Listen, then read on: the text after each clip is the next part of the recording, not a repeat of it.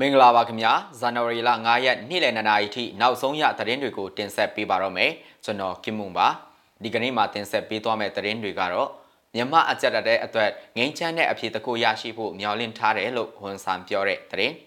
လိကီကော်မြို့တင်မှာတိုက်ပွဲဆက်လက်ဖြစ်ပွားပြီးတော့စစ်ကောင်စီတပ်ဖွဲ့ဝင်၄ဦးတေဆုံးတဲ့သတင်း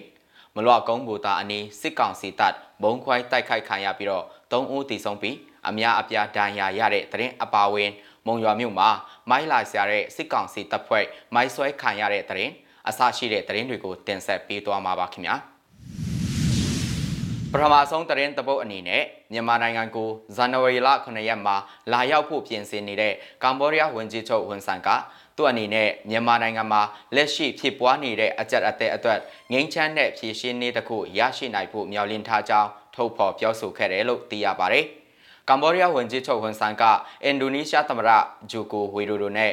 ဇန်နဝါရီလ၄ရက်ကတယ်လီဖုန်းနဲ့ဆက်သွယ်မိမြန်းနေစဉ်မြန်မာအရေးအပေါ်၎င်းရဲ့အကောင်းမြင်ယုံကြည်မှုရှိမှုကိုထုတ်ပေါ်ခဲ့ခြင်းဖြစ်ပါတယ်။ အလားတူကမ္ဘောဒီးယားဝန်ကြီးချုပ်ဝန်ဆန်ကယခုနှစ်အာဆီယံအလဲကျဥက္ကဋ္ဌတာဝန်ယူချိန်အောင်မြင်မှုရရှိပြီးကံကောင်းပါစေလို့အင်ဒိုနီးရှားသမ္မတဂျိုကိုဝေကဆန္ဒပြုပြောဆိုခဲ့ကြောင်းသိရပါတယ်။ဟွန်ဆန်နဲ့ဂျိုကိုဝီတို့ဖုန်းဆက်ဆွေးနွေးမှုရလဒ်နဲ့ပတ်သက်ပြီးကမ္ဘောဒီးယားနိုင်ငံခြားရေးရာနဲ့နိုင်ငံတကာပူးပေါင်းဆောင်ရွက်ရေးဝန်ကြီးဌာနကသတင်းထုတ်ပြန်ချက်တရက်ထုတ်ပြန်ခဲ့ပါတယ်။ခေါင်းဆောင်တော်ဟာမြန်မာနိုင်ငံရဲ့လက်ရှိအခြေအနေတွေနဲ့ပတ်သက်ပြီး အမြင်ချင်းဖလှယ်ဆွေးနွေးခဲ့ကြပါတယ်။မြန်မာနိုင်ငံမှာအမျိုးသားပြန်လည်တင်မြတ်ရေးခိုင်မြဲတဲ့ငြိမ်းချမ်းရေးတည်ငြိမ်မှုနဲ့ဖွံ့ဖြိုးတိုးတက်မှုတို့ကိုရရှိစေဖို့အတွက်တင့်တော်တဲ့ဖြည့်ဆင်းနည်းတွေရှာရမှာမြန်မာကိုကိုငင်မဲ့အာဆီယံရဲ့အားထုတ်မှုကိုအာယုံစိုက်ဖို့အရေးတကြီးလိုအပ်တယ်ဆိုတာကိုလည်းနှစ်ဦးစလုံးကအလေးပေးပြောကြားခဲ့ကြတယ်လို့သတင်းထုတ်ပြန်ချက်မှာပါရှိပါတယ်။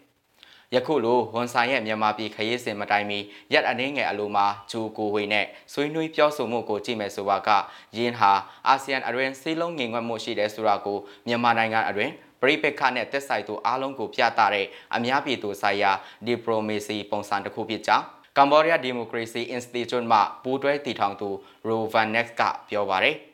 အင်ဒိုနီးရှားဟာ ရခင်ကာလများအရင်ဒေတာတွင်ပရိပက္ခတွေမှာဖြန့်ဖြီသူနဲ့ပံ့ပိုးပေးသူအဖြစ်အရေးကြီးတဲ့အခန်းကဏ္ဍကနေပါဝင်ထားတဲ့အတွက်ဒေတာတွင်ကိစ္စရပ်များနဲ့ပတ်သက်ပြီးဆွေးနွေးမှုတိုင်းအတွက်အင်ဒိုနီးရှားရဲ့အမြင်သဘောထားကိုဝန်ဆန်ကအထူးအလေးပေးတန်ဖိုးထားမှုရှိတယ်ဆိုတာကိုဗန်နက်စ်ကပြောပါတယ်သူ့ရဲ့မြန်မာပြည်ခရီးစဉ်အစဉ်ပြေချောမွေ့စေဖို့နဲ့အကျိုးစိတဲ့ရလဒ်များရရှိစေဖို့ဝန်ဆန်အနေနဲ့အင်ဒိုနီးရှားရဲ့အပြည့်အဝထောက်ခံမှုကိုလိုကောင်းလိုနိုင်ပြီးရင်းကဲ့သို့ဂျိုကိုဝေနဲ့ဖုန်းဆက် ဆွေးနွေးမှုကအဆိုပါထောက်ခံမှုကိုထုတ်ဖော်ပြသနိုင်ခဲ့ကြောင်းဗန်နက်စ်ကပြောပါရခင်ဗျာကရင်ပြည်နယ်ကတရင်နဲ့ဆက်ချင်ပါတယ်။ကရင်ပြည်နယ်မြောက်တီတောင်ဘက်ဆယ်မိုင်ခန့်အကွာရှိငိမ့်ချမ်းကြီးမြို့တော်လေးကေကော်မြို့တင်မှာအာနာသိန်းစစ်ကောင်စီတပ်နဲ့နေမီခန် KNL ပူးပေါင်းတပ်ဖွဲ့တို့အကြားတိုက်ပွဲဆက်လက်ဖြစ်ပွားနေပြီးမနီကတိုက်ပွဲမှာစစ်ကောင်စီတပ်ဖွဲ့ဝင်၄ဦးထိဆုံးခဲ့ကြောင်း KNU ဒူပလာခရိုက်ကဒီနေ့မှသတင်းထုတ်ပြန်ပါတယ်။ လေးကေကော်မြို့တိရက်ကွက်သုံးမှာမနေ့ကမနေ့9နာရီဝန်းကျင်မှာအာနာသိန်းစစ်ကောင်စီတပ်တပ်မလေးလေးလက်အောက်ခံနေရခွန်တပ်ရင်းနဲ့ KNL တပ်ရင်း20ခွန်တပ်တို့ကြားတိုက်ပွဲဖြစ်ပွားခဲ့ခြင်းဖြစ်ပါတယ်။တိုက်ပွဲအရင်အာနာသိန်းစစ်ကောင်စီဘက်မှလက်နက်ကြီးအချက်30ထက်မနည်းပြစ်ခတ်တိုက်ခိုက်ခဲ့တဲ့အတွက်လူနေအိမ်အများအပြားထိခိုက်ပျက်စီးမှုတွေရှိခဲ့တယ်လို့ဒေတာရင်းသတင်းရင်းမြစ်တွေကပြောဆိုပါတယ်။ ဒါပြင်တိုက်ပွဲဖြစ်ပွားပြီးနောက်အာနာသိန်းစစ်ကောင်စီတပ်မလေးကီကော်မြို့တိရက်ကွက်အရင်းသို့ဝင်ရောက်ပြီးလူနေအိမ်ခန်းတွေကိုမွေနောက်ကစားစရာပစ္စည်းများအပြင်တန်ဖိုးရှိပစ္စည်းများကိုယူဆောင်သွားကြောင်း KNU ကဆိုပါတယ်အလားတူလွန်ခဲ့တဲ့ရက်အနှင်းငယ်ကမေထော်တလီကြီးရွာကလူနေအိမ်များရှိပစ္စည်းများအပြင်ဒေသခံပြည်သူတွေရဲ့စိုက်ကယ်ဆယ်စီးကိုဆယ်ဘင်းကားနဲ့တင်ယူဆောင်သွားကြောင်းသိရပါတယ်။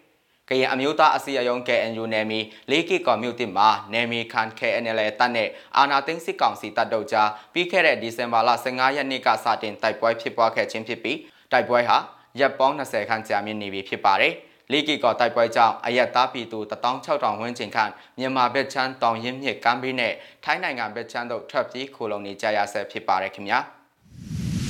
။နောက်ထပ်သတင်းသဘောအနေနဲ့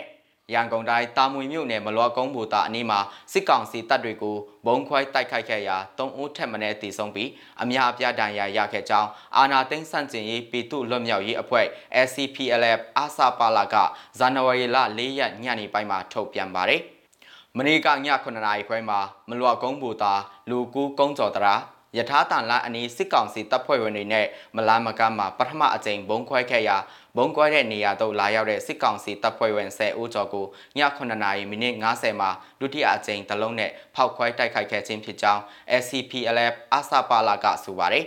ပထမအကြိမ်တလုံးခွဲတယ်သူတို့နားမှာပဲအကွာဝေးကတော့တိတိကျကျမသိရဘူးဗျပြည်20ဝန်းကျင်လောက်ရှိမယ်ထင်တယ်ခွဲပြီးမကြဘူးသူတို့ရောက်လာတယ်ရောက်လာတာကခံမှန်း10ရောက်15ရောက်လောက် သူတို့လာတာနဲ့ဘုံကွဲတာအချိန်ကိုက်ဖြစ်သွားတာပြီးတော့စေးရုံကားတွေရောက်လာတယ်ညကစစ်ခွေးတွေမလွတ်ကုန်းဘက်တော်တော်ဝင်နေတယ်လို့ကြားတယ်လို့ SCPLF အစပါလာအဖွဲ့ဝင်တာဝန်ရှိသူတို့ကမီဇီမာကိုပြောပါတယ်အဆိုပါတိုက်ခိုက်မှုကိုအစပါလာ SCPLF အဖွဲ့ Mobi တော်လိုင်းရေးအင်အားစု Mobi Revolution Force ရန်ကုန် Pupil Defense Force ဘဟန် Anonymous Force တို့ပူးပေါင်းလှုပ်ဆောင်ခဲ့ခြင်းဖြစ်ကြောင်းသိရပါတယ်။ အဆိုပါတိုက်ခိုက်မှုဖြစ်ပွားပြီးနောက်စစ်ကောင်စီတပ်များကမလွာကုန်းရက်ကွက်အတွင်ပြည်သူတချို့ကိုဖမ်းဆီးမှုများရှိတယ်လို့သိရတော့လဲအသေးစိတ်ကိုဆက်လက်စုံစမ်းနေဆဲဖြစ်ပါတယ်။ပြည်သူများအပေါ်လိုမဆာနဲ့ရာဇဝတ်မှုများကျိုးလွန်နေတဲ့စစ်ကောင်စီရဲ့လက်ပါစီတွေကိုနေလာမြုပ်ဆောင်သုံးပြီးပြင်းပြင်းထန်ထန်တုံ့ပြန်တိုက်ခိုက်နေပြီးဖောက်ခွဲမှုပေါင်း20ချိန်ထက်မနည်းပြုလုပ်ခဲ့ကစစ်ကောင်စီဘက်မှတည်ဆုံးသူ10ဦးထက်မနည်းရှိခဲ့တယ်လို့ SCPLF အစပါလာကထုတ်ပြန်ထားပါတယ်။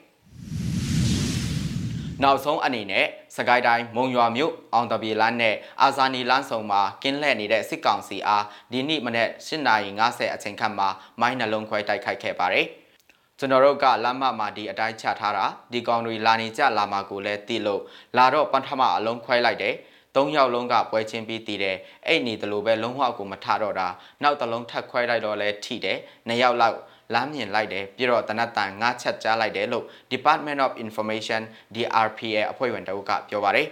အဆိုပါပောက်ကွဲမှုကြောင့်စစ်ကောင်စီတပ်ဘက်က9ဦးတည်ဆုံးတယ်လို့အဆိုပါတိုက်ခိုက်မှုကိုလှုံ့ဆော်ခဲ့တဲ့ Department of Information DRPA အဖွဲ့ကပြောပါတယ် သူတို့ကမိုက်ရှိတယ်ဆိုပြီးတည်င်းရလို့လာရှာနေစဉ်ပေါက်တာဗျ DC တစည်းနဲ့အရင်လာတာဗျလမ်းသွားလမ်းလာပြီးသူတွေကိုလည်းဖမ်းပြီးလမ်းမှာဒူးထောက်ခိုက်ထားတယ်ဟိုကောင်တွေကိုတော့လူနာတင်ကားနဲ့လာခေါ်သွားတယ်ဗျလို့ဒီတခန်တအုပ်ကပြောပါရခင်ဗျာမြစည်းမရဲ့ဇန်နဝါရီလ9ရက်နေ့လယ်2နာရီထိနောက်ဆုံးရသတင်းတွေကိုတင်ဆက်ပေးခဲ့တာပါမြန်မာပြည်သူတွေဘေးအန္တရာယ်ပေါင်းကကင်းဝေးကြပါစေခင်ဗျာ